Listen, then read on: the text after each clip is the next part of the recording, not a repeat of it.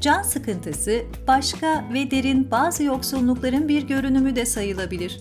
Sıkılmak, dünyanın ve nesnelerin yüzeyinde kayıp duran bakışın, bu bakışa iliştirilmiş eylemenin tatminsizlik sınırına gelip dayandığında daha da görünür oluyor. Nihayet dergi sizler için can sıkıntısı kavramını merkeze alan filmleri derledi. İyi seyirler.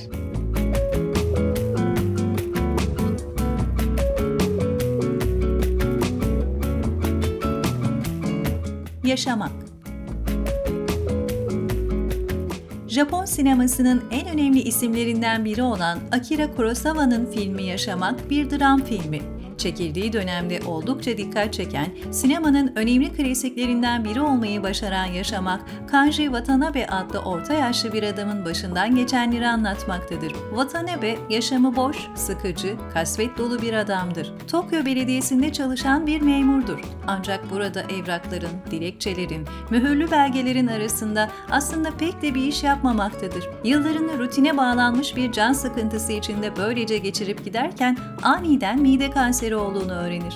Bu haber onu tümden değiştirir ve hayatın gerçek anlamını sorgulamaya, aramaya başlar. Watanabe ölmeden önce gerçekten bir iş başarmaya, insanlara faydalı olmaya, arkasında ufak da olsa bir iz bırakmaya çalışacaktır. 400 darbe Fonso Trifu'nun 400 darbesi okuldan kaçan küçük çocuğun hikayesini anlatıyor. Trifu, filmi pek çok açıdan otobiyografik öğelerle bir araya getirmiş. 12 yaşındaki Anthony aradığı huzuru bir türlü bulamaz. Görünüşte sorunlu, haylaz bir çocuk olsa da aslında kendisine verilen pek çok işi, rolü de yerine getirmeye çalışmakta. Yaşama adapte olmak için çaba sarf etmektedir. Ancak filmin arka planında gerçek bir aileye, iyi bir okula sahip olmadığını, otoriter sistemin bir kurbanı olduğunu sezmeye başlarız. Ödevini yapmadığı için okuldan kaçtığı bir gün annesini başka bir adamla gören Anthony okula geri döndüğünde annesi öldüğü için ödevini yapamadığını söyler. Yalanı ortaya çıkınca da işi hırsızlığa kadar vardırır. Aslında tüm istediği hiç görmediği denizin kıyısına ulaşmaktır. Yönetmen biz seyircisine Anthony'nin yaşadığı tüm sıkıntılardan kaçışın aslında biraz şefkatle, anne sevgisiyle son bulacağını hissettirmeye çalışır.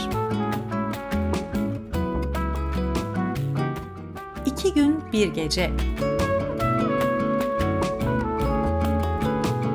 Daden Kardeşlerin filmi iki gün bir gece içsel huzursuzlukları olan, bu nedenle iş hayatında da sorunlar yaşayan Sandra'nın hayatına odaklanıyor. Uzun zamandır derin bir depresyonda olan Sandra, hayatını boş bulmakta, kendini de işe yaramaz biri olarak görmektedir. Can sıkıntısının ruhsal problemlerin döngüsü içinde olduğu için izne ayrılır. Bu sürede işvereni kendisi olmadan da işin yürüdüğünü görür. Bu nedenle de Sandra'yı işten çıkarmak için çalışanlar arasında bir oylama yapar. Çalışanlar ya Sandra'nın kalmasını ya da yıllık ikramiyelerini seçmek zorundadır. Sandra tüm iş arkadaşlarıyla sadece iki gün içinde görüşüp onları oylamada kendi lehine oy vermek için ikna etmeye çalışır. Ancak uzun zamandır içinde olduğu buhran onun peşini bırakmaz. Bu noktada bir arkadaşı ve eşi yardımına koşar.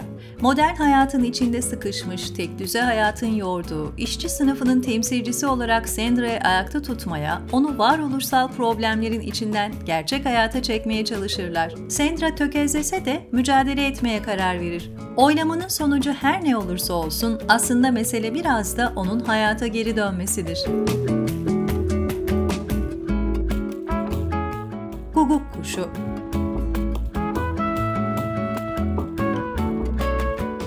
Guguk Kuşu Ken Kesey'in aynı isimli romanından 1975 yılında Milos Forman yönetmenliğinde sinemaya uyarlanır. Başrollerinde Jack Nicholson, Louis Fletcher gibi isimlerin yer aldığı film hakkında söyleyebileceğimiz ilk şey, o dönem çekilen pek çok Amerikan yapımı gibi sıkı bir sistem eleştirisi olmasıdır. Denize açılma sahnesi dışında tüm film tek mekanda geçer. Böylece yönetmen bizi de akıl hastanesindeki o sisteme hapseder. Lümpen bir karakter olan McMurphy, hapishanede çalışırken çalışmamak için deli numarası yapar ve güvenlik önlemleri daha az olan bir akıl hastanesine sevk edilir. Bu süre içerisinde hastalarla oluşturduğu samimiyet ve emirlere itaatsizliği, ortamın düzenini ve hemşire Rachad'ın kurduğu iktidarı alt üst eder. Hastalar içinde bulundukları sıkıntılı durumu ve onca yıldır kendilerine dayatılanı açıkça sorgulamaya başlar. McMurphy'nin istemediği şekilde gelişen olaylar onu mahkumluğun sıkıntısından özgürlüğe kaçtığını düşünürken özgürlüğünden vazgeçtiği bir sürece götürür.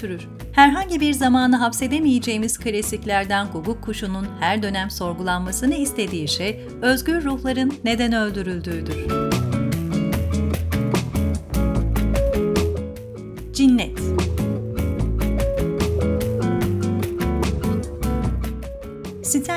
Kubrick sinemasının kültlerinden Cinnet, Stephen King'in aynı isimli romanından 1980 yılında sinemaya uyarlanan bir gerilim korku filmi. Yazar olan Jack, kış sezonunda kapalı olan lüks bir otelin bakımını üstlenir ve ailesiyle otele yerleşir. Üzerinde çalışacağı yeni projesi için 5 aylık bir izolasyon sürecinin yaratıcı olacağını düşünmektedir. Çok geçmeden kendisini klostrofobik bir tepkinin içinde bulur. Hiçbir şey yapması gerekmeyen bir işin sıkıntısına, yazamıyor olması da eklenince ortaya sayfalar dolusu bir delirme cümlesi çıkar.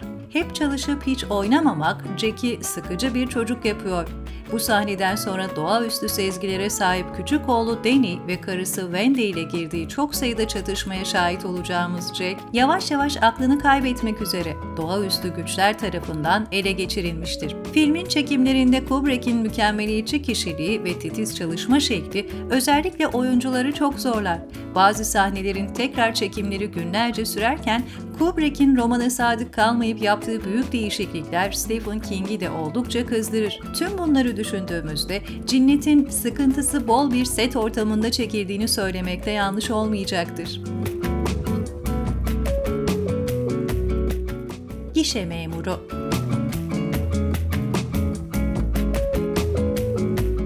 Senaryo ve yönetmenliği Tolga Karaçeli'ye ait 2011 yapımı Gişe Memuru'nda bir iş olarak can sıkıntısı filmin ana izleyini oluşturuyor.